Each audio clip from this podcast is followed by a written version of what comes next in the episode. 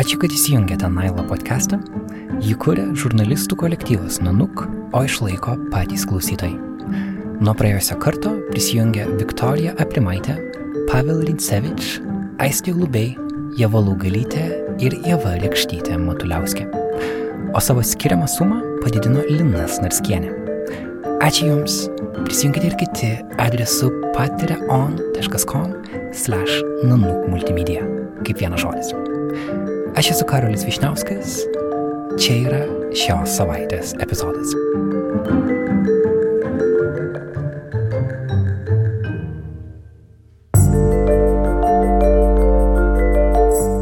Mano principas, kuriuo aš vadovaujuosi, jeigu žmogus gali padėti kitam dėl savo kažkokių asmeninių ieškojimų, nuostabu, jeigu jis tik gali padėti. Nepakenkti, o padėti. Ir jeigu mes prisidedam prie didesnio tikslo kartu, tai ir labai, labai gerai, ir labai yra svarbu. Šį epizodą išleidžiame kovo 11-osios išvakarėse. Šiemet sueina 30 metų nuo Lietuvos nepriklausomybės atkūrimo ir mums norisi šį laiką įprasminti.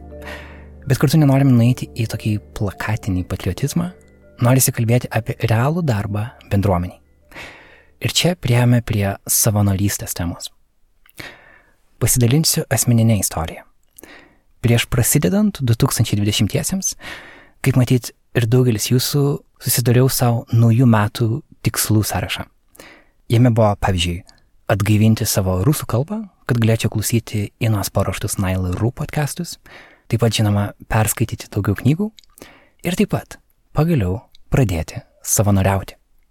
Savanorystė yra tema, apie kurią daugelis mūsų galvoja, bet mažai kas tuo užsiema. Statistika sako, kad net 87 procentai Lietuvos gyventojų mano, kad savanorystė yra gerbtina veikla, bet realiai tarp jaunų žmonių savanoriauja tik 20 procentų, tarp vyresnių žmonių šie skaičiai yra dar mažesni. Palyginimui, Švedijoje net 48 procentai suaugusių žmonių savanoriauja. Mūsų šiandienos pašnekovė yra Elena Archipovaitė. Ji yra tarptų 20 procentų. Ji savanoriauja organizacijose Niekino vaikai, LT Big Brother, Lietuvos skautuose ir taip pat architektūros fonde. Su ja pats esu nekartą Vilnius kavinėse kalbėjęsis apie tai, kodėl reikėtų savanoriauti, nuo ko pradėti, ką iš to galima gauti.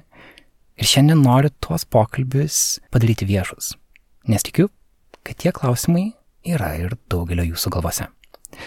Ačiū Elenai už tai, kad sutiko to pasidalinti. Gerą klausimą. Galim tada ir pradėti. Okay? Puikiai. Ką? Labas, labas Elena. Arba Ele? Kaip tave žmonės vadina? Mane vadina, matai, labai įvairiai namuose. Mane vadina Elytė, draugai mane vadina Elė, o dokumentuose aš esu Elena. Aš noriu tave laikyti savo draugu, dėl to aš tave vadinsiu Elė. Negaliu vadinti šeimos nariu, dėl to nevadinsiu Elytė. Um, kad būtų aiškiau, aš tiesiog uždėkime visas kortas mm. ant stalo. Tavo savanorystė yra skautai, arba bent jau buvo? Yra. Yra. Turbūt nuo paauglystės prasidėjęs reikalas. Nuo buvau aš aštuonių. Aštuonių metų. Taip. Aha, ir kai tu esi skautas, tu esi skautas visam gyvenimui. Taip. Taip. Aha. Aktyvesnis, netoks aktyvus, bet tu esi. Supratau. A, tu turi tam tikrą rangą turbūt. Taip, aš esu vyras skautė, su vyras skaučių būrelyje vadinamam Kernavėstunde. Aha. Taip pat savanoriauja iniciatyvoje Niekieno vaikai. Ir tai yra mažiau žinomas projektas ir aš noriu, kad tu apie truputį daugiau mm -hmm. papasakotum.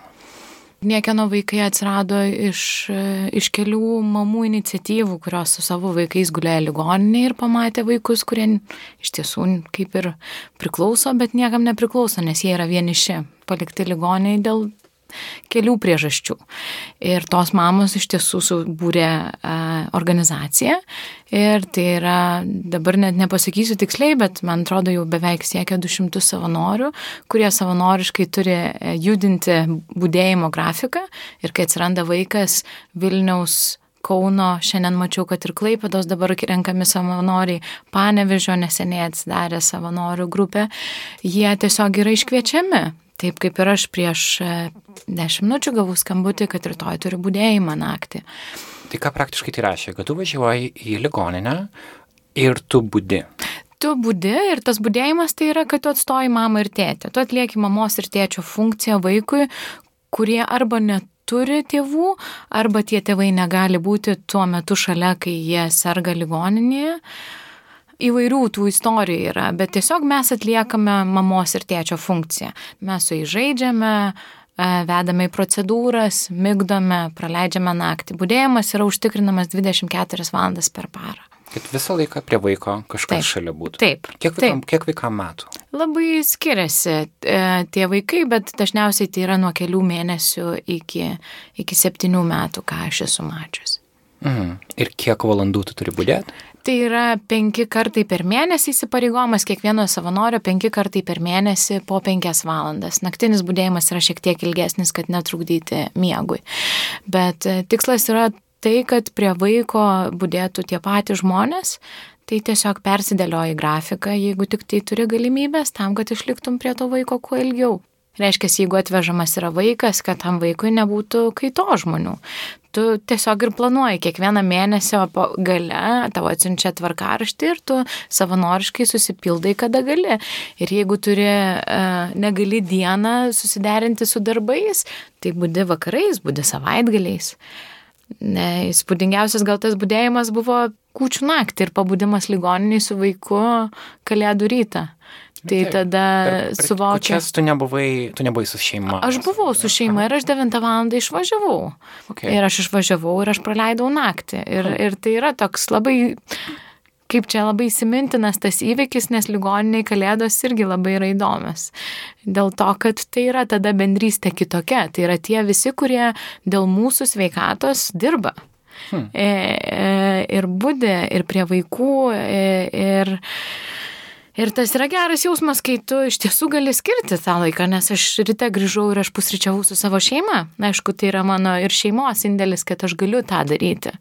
Ir man atrodo, čia yra labai svarbu suvokti, kad daugybė savanorių E, niekieno vaikų programoje turi savo vaikus, šeimas, darbus ir jie sugeba rasti to laiko, nes jiems tai atrodo svarbu. svarbu. Mm. Ir, ir šiandien dienai mes neturime galimybės turėti sistemoje tokių žmonių ir yra labai svarbu, kad atsiranda savanorystės elementas, kuris iš tiesų už, užpildo tam tikrą spragą. Ir be viso to tu taip pat dirbi savo full-time darbą. Bent jau anksčiau tu daug laiko leidai aplinkos ministerijoje, kur tu vykdai vieną iš projektų, kuris Taip. dabar, dabar jau yra, dabar ten nebedirbi, bet tai yra, na, tai yra didžiulis darbas. Taip pat tu uh, dažnai būni Norvegijoje. Gali patikslinti, ką būtent ten darai? Tai su Norvegija mano ryšys yra, kad aš uh, Pirmiausiai tai ten ir studijavau ir, ir ilgą laiką dirbau, dirbau septynis metus e, Norvegijoje ir, e, ir dėščiau universitete, Norwegian University of Science and Technology. Tai karts nuo karto vis dar e, pavasario semestre dėstau. Kitas mano ryšys su Norvegija, tai kad aš priklausau Norwegian Refugee Council greito reagavimo būriui, vadinamam mm. NORCAP. Tai greito reagavimo būrys tai yra specialistų, tūkstantį specialistų visam pasaulyje įvairių sričių pasiruošusių išvykti per 72 valandas į misijas.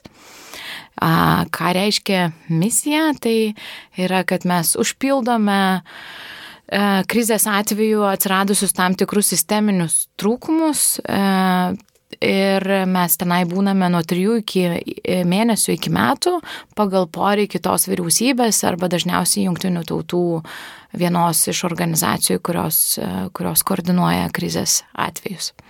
Mhm. Tai uh, iš paskutinių misijų, kur, kur esi buvęs? Tai paskutinė mano misija buvo Libane, aš mhm. dirbau su pabėgėlių krize miestuose, Tai būtent mano pagrindinis darbas buvo koordinuoti miestų strategijas, tai yra kaip iš humanitarinės pagalbos telkti ir koncentruotis veiklas jungtinių tautų ir, ir, ir vyriausybės ir taip pat fondus į vadinamą development, tai vystimosi programas. Ir kaip būtent vietos gyventojai galėtų irgi būti atliepti jų poreikiai ir ne, ne tik, ne tik pabėgėlių šiuo atveju poreikiai. Tai kadangi krizė yra užsitęsusi ir, ir tai nėra tik tai vienų metų krizė, tai yra jau, jau devini, devini metai, tai tiesiog bandėm galvoti ir strateguoti kartu su vietos vyriausybė, kaip galima būtų tuos resursus panaudoti ilgalaikiams projektams. Mhm. Ok, manau, čia galim sustoti tavo darbo veiklų sąraše, bet aš norėjau jį per jį visą pereit, kad, mm, kad pats pabandyčiau suprasti, kaip įmanoma vienam žmogui daryti daug skirtingų veiklų ir kartu atrodo, kad tau sugebėti rasti balansą tarp jų, nes aš matau didelę problemą šio laikiniai visuomeniai, kad dažnai pagrindinis darbas, tas, kuris tarsi yra vardant tavo kažkokios socialinės gerovės, vardant mm. finansų, tampa tavo gyvenimu. Kad yra daug kitų dalykų, kuriuos tu norėtum daryti, bet atrodo, kad, aha, aš jam dabar neturiu laiko. Ir aš galvoju, ar taip yra bendresnė, žinai, ekonominės sistemos problema, ar tai yra elementariai laiko ir prioritetų klausimas. Mm. Gal mes visi turim laiko viskam, tik nemokam jo valdyti. Nes tu, man atrodo, kaip žmogus, kuriam laiko užtenka. Bet turbūt tu turi tam tikrą sistemą, kaip tu pavyzdžiui, išėjus iš ligoninės su vaiku praleidusi kelias valandas, kas yra emociškai be galo paveiku, tu gali tada iš to kažkokiu būdu išeiti ir pereiti į kitą veiklą. Man tai atrodo sudėtinga ir aš įtariu, kad daugelį klausytojų um, tai gali būti sudėtinga. Mm. Dėl to aš norėčiau, kad tu pasidalintum kažkokiam strategijom arba savo pačios pamokom, kaip, kaip neleisti vienai veiklai užgošti tavęs mm. kaip asmenybės ir bandyti išlaviruoti ir neprarasti sveiko proto. Tai aš manau, kad tam tikra sistema, gal čia gerai tu pataikiai, gal yra ta tam tikra sistema, bet kas man atrodo ateina labai natūraliai ir, ir kai tu pakvietai dėl to savanorystės pakalbėti, daugybę dalykų aš tiesiog darau, nes man yra įdomu. Mhm. Dėl vienos ar kitos priežasties man įdomu būti tame rate žmonių, man įdomu ir aš jaučiu pareigą tam tikras spragas, sakykime, užpildyti sistemoje, E, ir aš tą labai gerai suvokiu, ypač padirbusi e, valstybės kaip ir tarnyboje, kad e, valstybė susideda būtent iš mūsų. Ir mes kaip piliečiai šitos valstybės turime prisidėti ir savo savanoriškom valandom, neapmokamom valandom, tuom, kom galime. Mm. Ir, ir kitas dalykas, tai ateina labai daug gal iš mano pačios šeimos, sakykime, vertybių, bet tuo pačiu kad mano šeimoje daug valandų yra skiriama ir buvo skiriama a, savanorystėje. Čia jau už kartų ateina, žinau, kad mano prosenelė tai darė, turėdama labai didelį ūkį ir vaikų, vis tiek savanoriavo savo bendruomeniai ir darė daugiau, negu jai pačiai reikėtų savo gerbuviui. E, ir gal tas, kai yra šeimoje, tu natūraliai tą supranti. Kitas dalykas, labai didelė mokykla e, yra skautavimas, mm. nes skautavimo principai yra padėti mažesniam būti šalia mažesnio, mokytis iš vyresnių už save ir yra sudėliota mokymosi grandinė.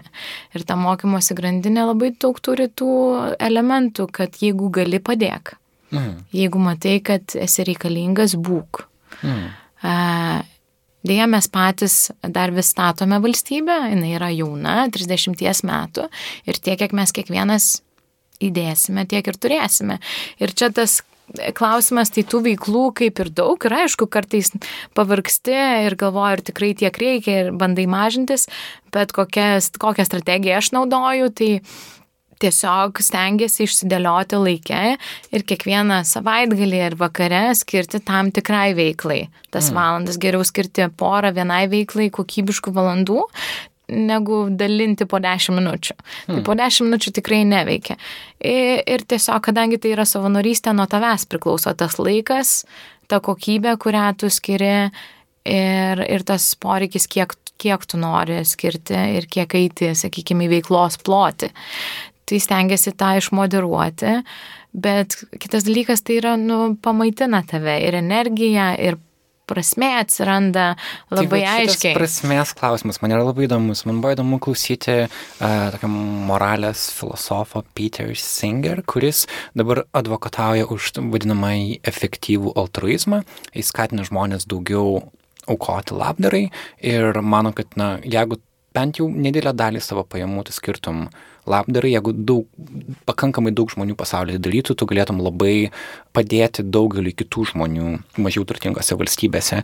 Ir jis e, yra pasi, pasitelkęs Sizifo akmens metaforą, kad atrodytų kasdien daug dirbi, tu tarsi tą akmenį visi diniai prieki, tada tu kuo daugiau dirbi, tuo daugiau tarsi pinigų ir išleidi, ir tada mm. vėl dirbi, kad turėtum jų daug naujų. Ir, ir jam tą prasmės pojūtį suteikia būtent uh, buvimas labdaringoje veikloje. Tai aš galiu pabandyti tą suprasti ir galvoju, kiek žinai tau savo laiko atidavimas, kiek tai iš tikrųjų yra dėl kito žmogaus, o kiek yra dėl pačios savęs mm. ir savo, savo gyvenimo prasmės sutikimo. Nes žinai, galbūt pasakyti, kad, aha, aš tai darau visų pirma dėl savęs, skamba labai narciziškai, gal net savanaudiškai, ar ne, palauk, ne, savanorystė turėtų būti dėl kito, bet jeigu tai niekiek nėra apie tave, tai tada tu negalėtum to tęsti turbūt, ne? Man atrodo, čia galioja ta pati taisyklė, pirmiausiai pradėti nuo savęs, tai yra tas mūsų ego, mes tik tai apie jį labai bijom šnekėti, bet jis yra visur didesnis arba mažesnis. Ir man atrodo, tas pasižiūrėjimas, kodėl tu tą darai, tai tu turi nu, jausti tą prasme. Mhm. Ir tą prasme labai vairiai mes kiekvieną suprantame.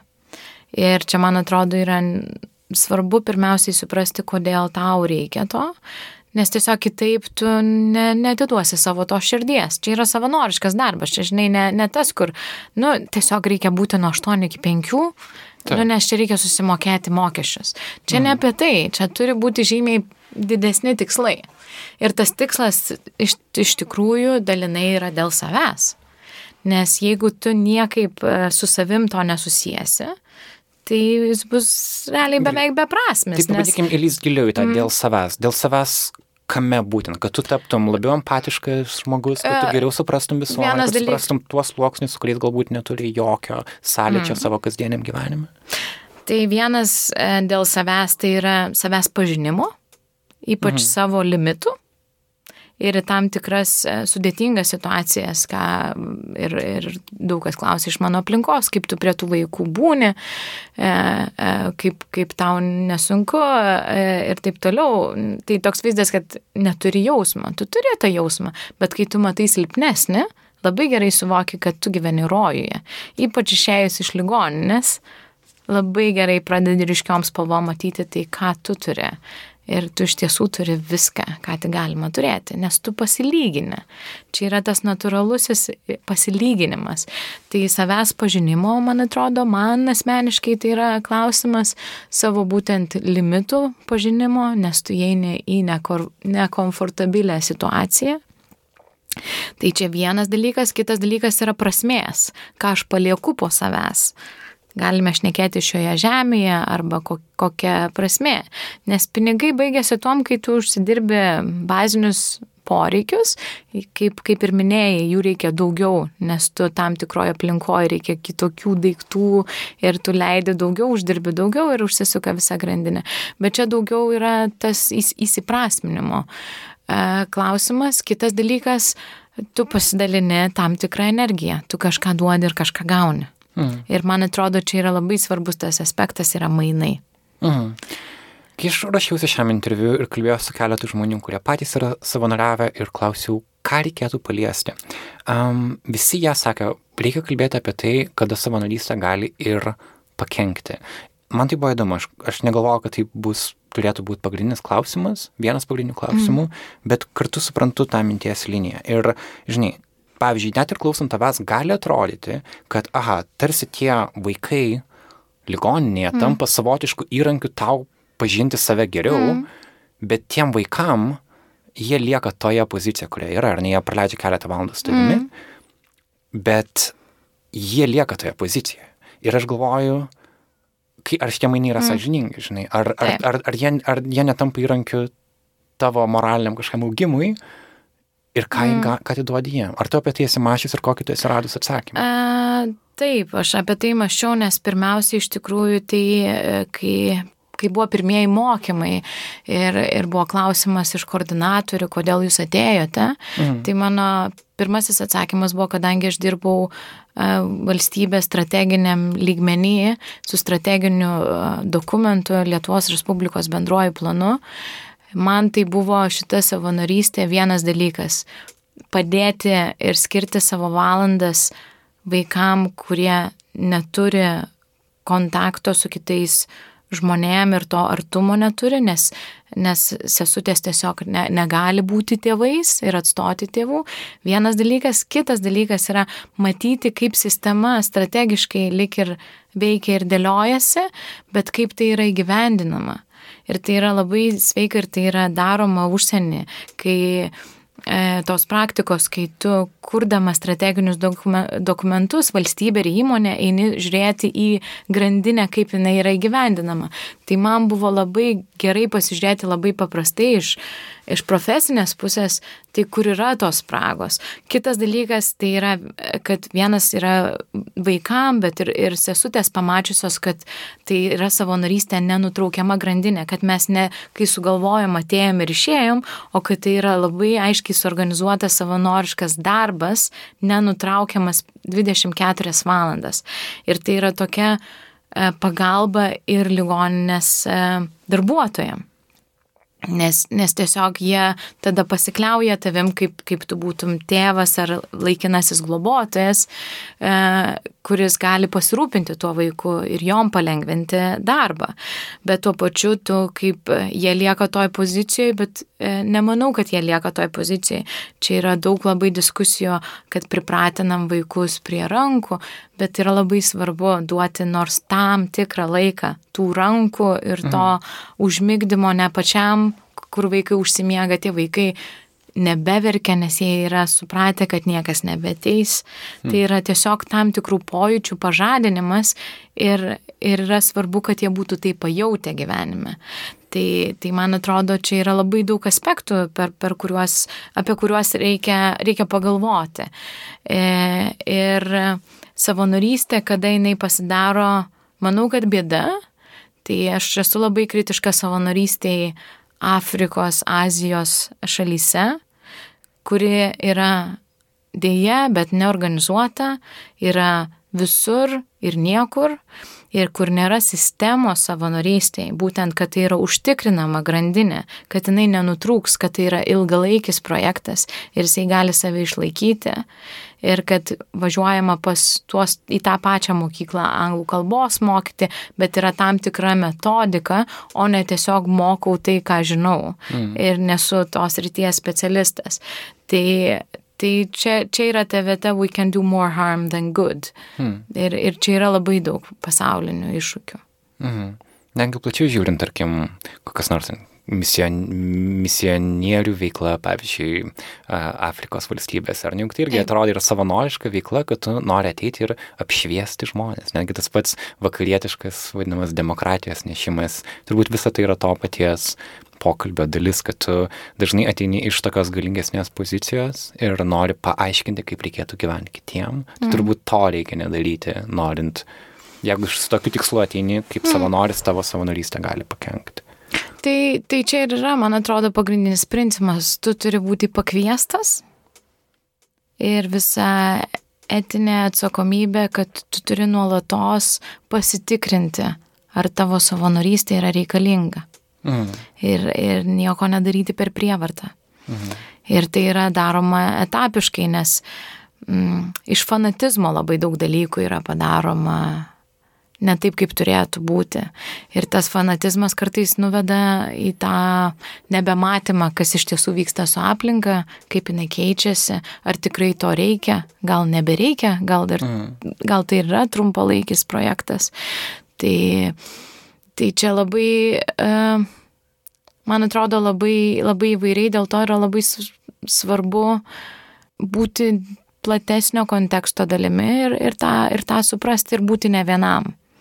Nes čia vėl atsitinka, kas po vieną savanoriauja ir bando išspręsti daugybę problemų vieni, tiesiog žmonės pavargsta.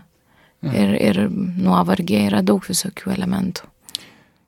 Kai aš pasvaršiau ir tebe svarstau galbūt prisijungti prie niekano vaikų iniciatyvos, taip pat viena iš mano baimių, kurią įsivaizduoju, kad nemažai žmonių taip pat turėtų, yra tokia per didelio prisirišimo.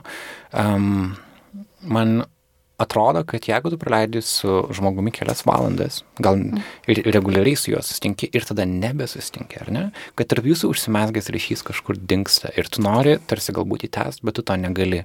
Man taip panaši galbūt paralelė būtų uh, su jaunimo linija, kai kalbė, esu kalbėjęs su žmonėm, kurie yra savanoriavę ten, kad yra tam tikri limitai, kad tu jau ne, kur tavo pagalbos, pagalba baigėsi. Pavyzdžiui, mm. tu gali kalbėti su žmogum telefonu labai ilgai, bet tu negalėjom pasakyti, o gal žinai, susitikime rytoj gyvai pasikalbėti Taip. apie tai. Nes tai jau yra etikos pažeidimas. Taip. Tai yra jau Taip. ta riba, kur tu brėži li liniją. Taip. Net jeigu tu galvoji, aš tikrai, aš pajaučiu šitą žmogų, aš noriu nori likti su juo. Bet tu to negali daryti, bent jau šito savanoriavimo ribose. Kaip tu su tuo sutvarkai? Ar, nes emociškai tai yra sunku. Ir mane, mm. pažiūrėjau, tas gazdintų. Įtariu, kad mm. daug žmonių taip pat. Taip, tu prisiriši, nes e, prie bet kurio žmogaus, su kuriuo bendrauji ir nuoširdžiai bendrauji, tu prisiriši. Bet kaip tu ir minėjai, yra tam tikros taisyklės, kurių reikia laikytis. Mes mm. ten pirmiausiai esame dėl vaikų, dėl mm. jų poreikių, patenkinimo tol, kol jie yra ligoniniai. Mes daugiau nieko nesprendžiam, jokių kitų klausimų. Ir tu esi ten tas valandas dėl to vaiko ir su tuo vaiku. Ir tai yra tavo užduotis. Ir jinai baigėsi.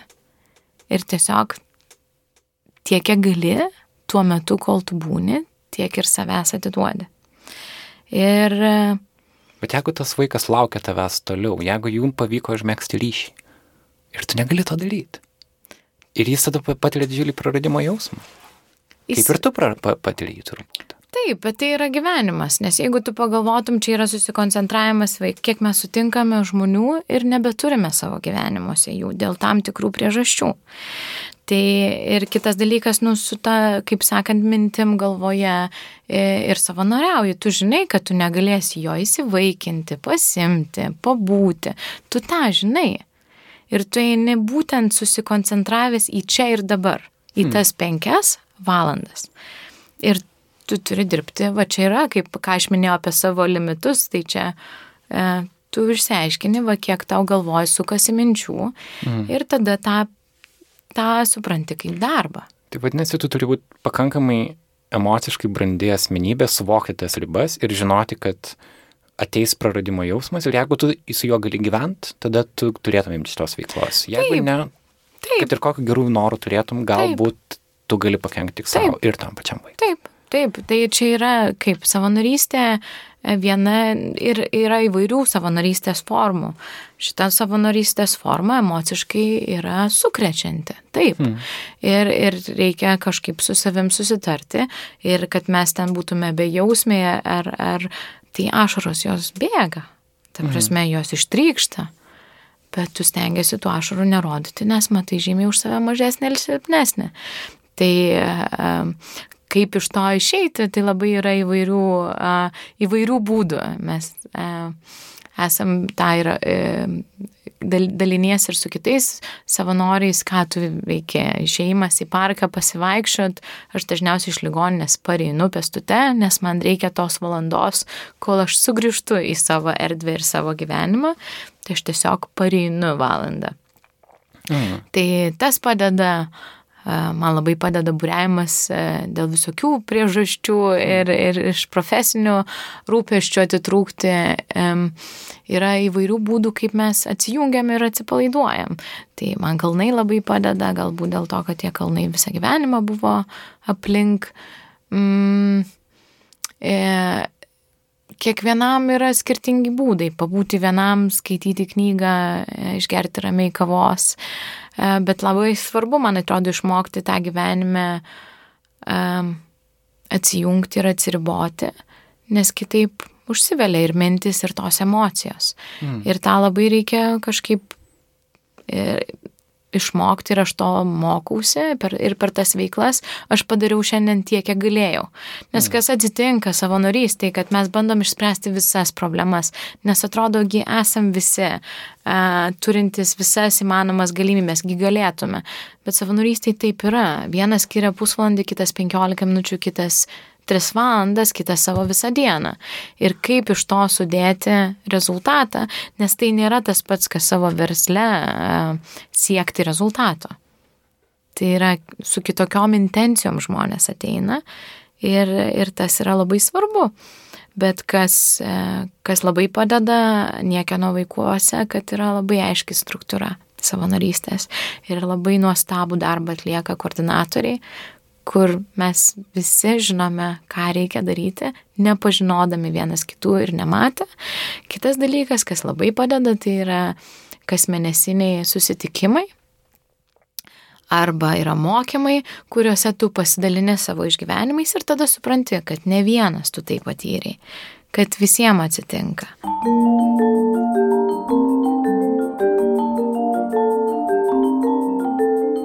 Čia įsiterpsiu padėkodamas vieniems mūsų podcast'o partnerių, kompanijai Shibui Partners. Jie yra subūrę lektorių komandą, galinčią padėti jūsų organizacijai tobulėti.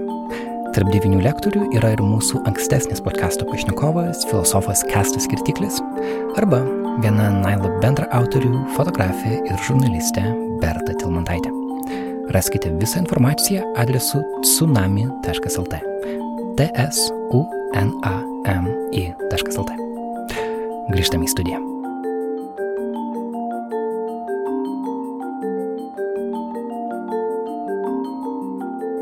O kiek jūs yra? Niekieno vaikų savanorių tinklas. Dabar, dabar negaliu pasakyti, kiek tiksliai, bet aš manau, kad yra 200 arba jau daugiau, nes e, kai aš aktyviai savanoriau iki, iki vasaros, buvo jau šimtas. Ir tarptų žmonių yra turbūt skirtingi žmonės, ar ne? Galbūt kažkas uh, daug metų savanoriavo kažkas, ne? Kažkas Taip. galbūt turi, nežinau, patys uh, savo vaikų galbūt turi, ar ne? Taip. Ir, ir tai vis tiek jam netrukdo padėti kitiems. Taip.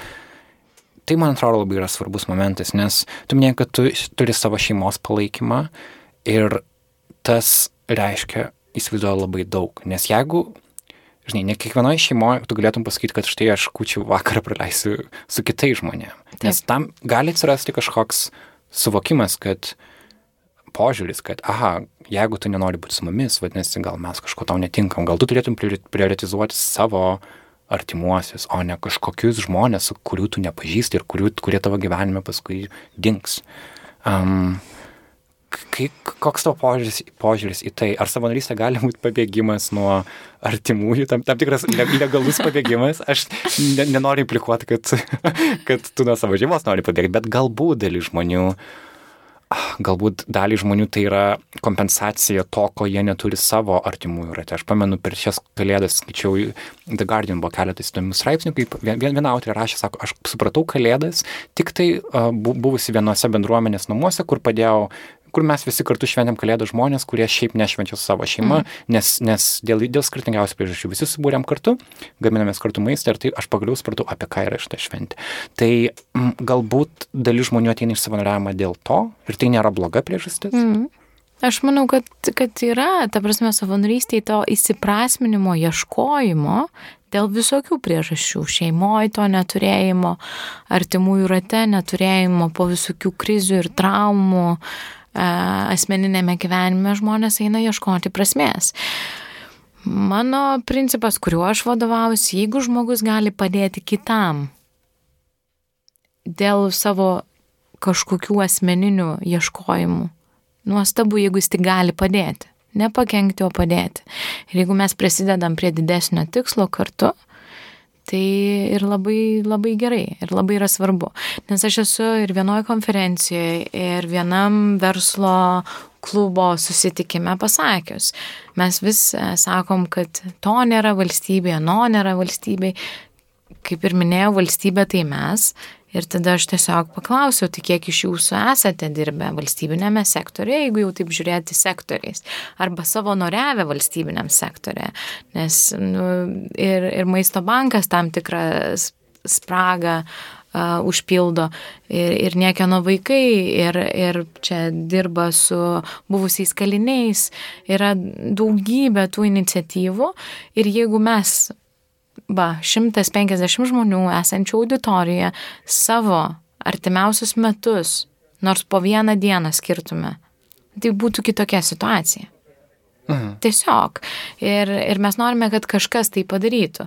Tai aš ir kalbėjau apie tai, kad aš atidirbau du metus valstybiniam sektoriui, bet yra svarbu, kad mes kiekvienas būtume padirbę. Vienas dalykas susipažinę su tuo, kitas dalykas tai yra e, prestižas būti. Ir aš norėčiau, kad tai būtų prestižinė pozicija dirbti valstybiniam sektoriuje, mhm. nes e, nes mes kalbam apie prestižinį mokytoją, tai turėtų būti prestižinis e, tarnautojas, nes Skandinavijoje tai yra prestižas patekti. Hmm. Ir taip neturėtų būti, kad tu grįžti atgal į rinką ir staiga tu turi kaip ir šešėlį, kad dirbai valstybėje. E, bet na, aš tai manau, kad tai yra didžiulė patirtis ir mano bent jau patyrimų tai yra didžiulė patirtis ir tai yra man didžiulė dovana, kad aš galėjau grįžti į Lietuvą ir tuos du metus atidirbti. Mhm. E, tai, tai čia ir su ta, kaip sakant, e, savanorystė, nes niekada nežinai, kas ateina su kokiam intencijom ir, ir ne, kaip čia negali jų tikrinti, nes jeigu mes susitelkiam dėl bendro tikslo, yra projektas ir mes dėl dėl jo sutarėm ir tu skiri savo laiką, pastangas ir žinias, tai jau yra dovana. Mhm. Ir tai reikia ir žiūrėti dovaną, bet struktūra yra reikalinga ir etika reikalinga, nes kaip ir kalbėjom, kartais tu padarai daugiau blogo negu gero. O kaip manim būti savanoriu Lietuvoje laikoma prestižinė uh, veikla? Ar, ar tai laikoma labiau tokia, žinai, kažkokia idealizmo, altruizmo? Nežinau, gal sunku atsakyti į tą klausimą, bet aš, man, aš bent jau matau, kad žymiai daugiau žmonių a, savanoriauja, tai yra savanoriškos a, krašto apsaugos e, pajėgos e, ir labai daug jaunų žmonių mano rate, ypač e, vyrų, yra šauliais patapę. Bet ar tai nėra truputį kita kategorija, kad šauli, specifiškai Šaulių sąjunga tapo tam tikrų, žinai, prestižo ženklų, tikrai daug įvairių garsių Lietuvos vyrų tapo. Taip, tapo taip tai mes galim. Taip. Bet, žinai, būti, užsidėti šaulio uniformą ir e, kalbėti apie partizanus ir visą kitą mm. yra viena. Būti ligonėje su vaiku penkias valandas, kur tavęs niekas nefotografuoja ir tu, žinai, tai yra kas kita. E, taip, tai yra skirtingos savanorystės formos. Ir man atrodo, tas yra labai svarbu, kad kiekvienas randa savo tą formą ir savo išraišką. Bet ir aš nenorėčiau čia gal skirstyti mm. tų išraiškų, nes, kaip aš sakau, jeigu tu skiri savo laiką dėl didesnio tikslo, tai jau yra svarbu. Ir ne kiekvienas mes galime tiek laiko skirti, ne kiekvienas mes psichologiškai esame pasiruošę tam tikras savanorystės formas um, būti tų dalim. Bet um, man atrodo, kad yra augantis, kad ir mes čia sėdim ir apie tai išnekam, yra, manau, augantis susidomėjimas. Ir kitas dalykas, man atrodo, jau ir organizacijose verslo organizacijose jau yra savanoriškos valandos, yra galvojama apie savanoriškas valandas, gal jau yra įgyvendinta ir švietimo sistemoje. E, girdėjau neseniai diskusiją ir tarp tarnautojų valstybės apie savanoriškas valandas.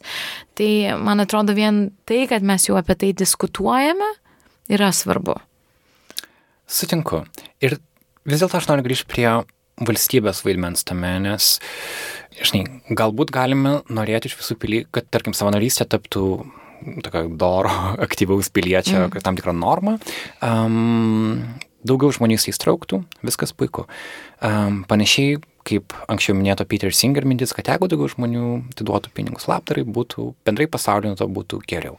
Bet yra kitas požiūris, kad, žinai, pažiūrėjau, labdara kaip konceptas, apskritai jisai yra įdingas savaime, nes tikslas turėtų būti, kad žmonėm nereikėtų labdaros, kad tu mm. galėtum, jie turėtų galimybės patys iš savęs gyventi ir išsilaikyti, kad nereikėtų kažkokių turtingų vakariečių pagalbos ir jų gero, ger, geranoriškumo. Tai šiuo atveju vėlgi su visa, mm, žinai, mm, tarkim, ligoninėje būdėjimo uh, prasme, galbūt tikrasis tikslas yra, kad nereikėtų būdėti ir kad tokių vaikų tiesiog nebūtų.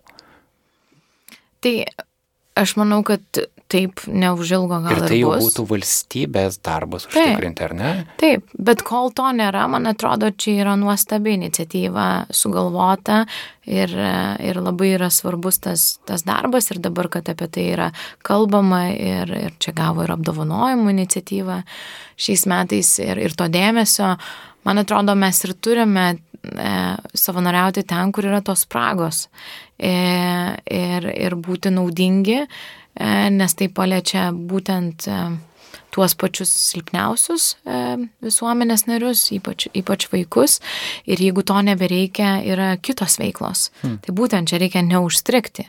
Jeigu, jeigu valstybė randa galimybę kaip išspręsti sistemiškai tą problemą, nes tai yra problema. Ir jeigu paklausi visų jaunų mamų, jos vis, visos gulėjusios su savo vaikais ligoninėje, matosi dabar iš susirašinėjimų ir diskusijų, kad visos atsimena tuos niekieno vaikus, kad yra tokie vaikai, prie kurių niekas neprieina ir neteina ir nepabūna, tik tai prieina sesutės. Tai, tai man atrodo, čia yra tas svarbu, kad, kad mes šiuo atveju užpildom spragą bet gal nebebus tos spragos. Mhm. Ir, ir taip turėtų būti, kad tai yra laikina. Ir poreikis atrodė gan mažas, dabar jau, jau matom, kad ir panevežį, ir klaipėdoje, ir visuose ligonėse tų iššūkių yra. Ir kol esam naudingi, tol, tol, tol manau, yra svarbu. Ir, ir, ir tie žmonės keičiasi, kaip, kaip ir aš, atsitraukiu, prisidedu, kada galiu. Ir ir, ir žiūrėsim, po metų gal bus jau, jau kita savanorystės iniciatyva ir bus kita spraga įvardinta. Mhm. Kas yra didžiausia, kad tu turėjai paukoti dėl savanorystės? Įsivaizduoju, kad tokie būtiniai dalykai, kaip ir elementarus, jeigu tu naktį, naktį praleidi ligoninėje ir turi anksti ryte jau būti kažkur kitur, tu mm. galbūt mėgi penkias valandas. Um, Man įdomu, iš tikrųjų, grinai iš praktinio ligmens, ką tu turi suprasti, kad, aha, jeigu tu dedikuoji save savanorystį, kas tavo mm. gyvenime, ko tu turi gyvenime atsisakyti? Gal turėčiau į kiną, gal, turėtų, uh, mm. gal tu labiau atsirenki draugus, su kuriais sustinki ir su kuriais ne. Kaip, kaip tai atrodo? Tai, tai žinoma, kad tu kažką gauni ir kažką atiduodi, tai šiuo atveju tu atiduodi savo laisvalaikio laiką. Mm. Ir, ir aš manau, kad laikas ir, ir ta energija. Bet kai tu atiduodi, tu vėl kažką gauni. Tai tu gal nenueini į kiną ar ne, nenuvažiuoji prie jūros, ar neišskrendi į Paryžių, ar dar kažkur, bet tu gauni tą prasme. Mhm. Ir, ir čia labai sunku įvardinti ar net paskaičiuoti ir pasverti, ar tu daugiau atiduodi, ar tu daugiau gauni. Bet suprantu, kad tu esi pozicija, kad tu jauti, kad tu gauni pakankamai, kad Taip. tai testum.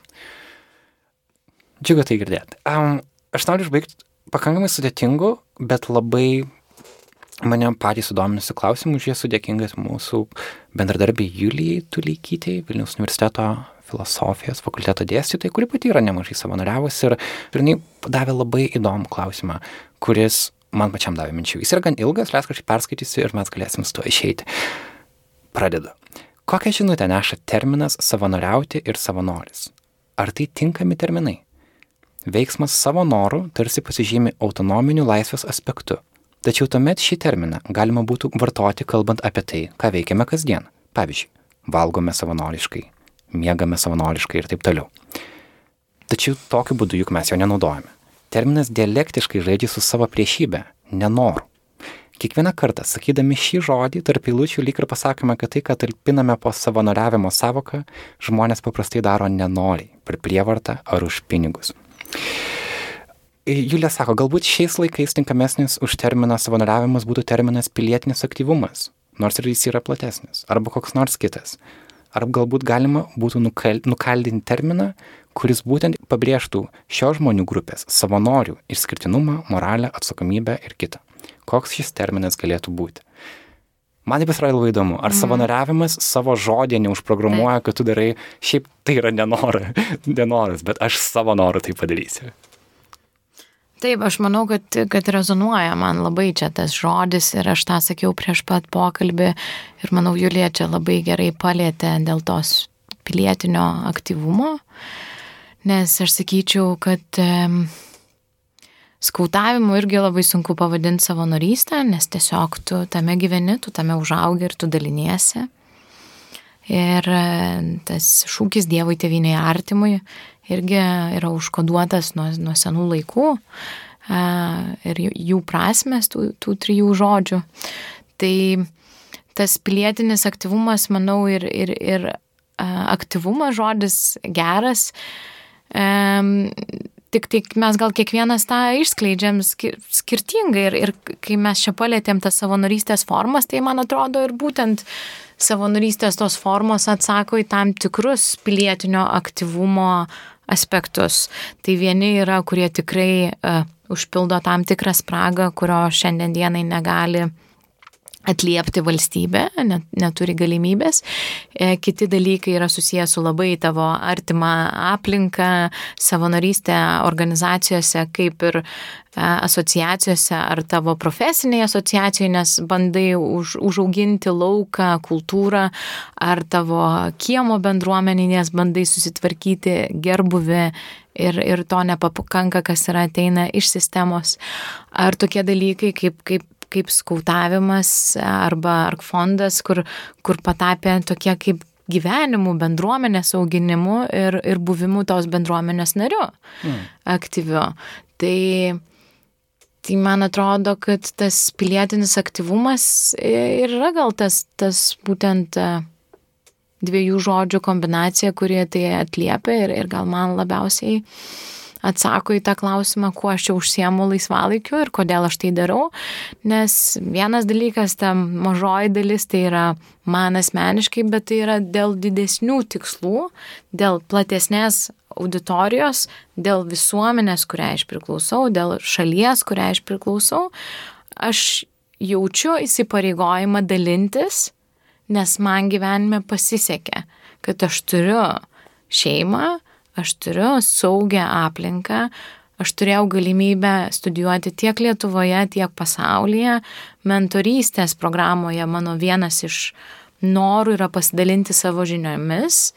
Ir kai vis galvoju, kad gal jau reikia dabar sustoti, kiekvieną kartą tu gauni tokį mentį, kur tau įprasmina, kad vis dėlto reikia dalintis nes tu dalindamas irgi mokaisi, irgi gauni. Ir, ir kažkas atranda tą tavo sferą, sritį ir pasaulį, kuriame tu dirbi. Ir yra labai gera, nes tų žmonių, ypač mano srity, labai trūksta. Mhm. Ir jeigu kažkas dar pasirinks kelią, tai aš mielai paukočiau dar porą valandų susijungti Skype ir kažkam papasakoti, kaip tai yra daroma ir atsakyti į rūpimus klausimus. Tai, tai tas um, man atrodo, įsiprasminimas savęs dėl kitų ir dėl atsakomybės, kurią, kurią jauti, yra labai svarbus. Ir kaip minėjau, mano šeimoje buvo visą laiką pasakyta, mano močiutė pasakė, aš ne, aš su arkliais tik į Rygos nuvažiavau. Mano pasaulis buvo Ryga su arkliais. Tavo mhm. pasaulis jau ir, ir Afrikos žemynas, ir Azijos žemynas, ir Latino Amerika, bet visada žinok, kur tu turi grįžti. Hmm. Nes tu turi pasidalinti tai, ką sužinojai, pamatėjai ir išmokai. Ir tavo yra šaknis čia, ir tavo atsakomybė yra čia. Tarsi savanoriavimas kaip tam tikra patriotizmo netgi forma, kuris savyje neturi viso to nacionalistinio prieskonio, kur tiesiog dirbi šitai bendruomeniai, kurioje tu užaugai. Taip. Man toks konceptas atrodo priimtinas. Taip. Taip. Kadangi kalbamės artėjant kovo 11, manau, manau svarbu a, tai pabrėžti.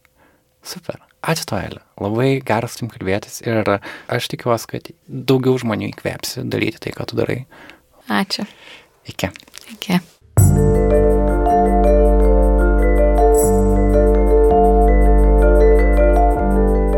Toks mūsų epizodas šiandien. Ačiū, kad buvote kartu.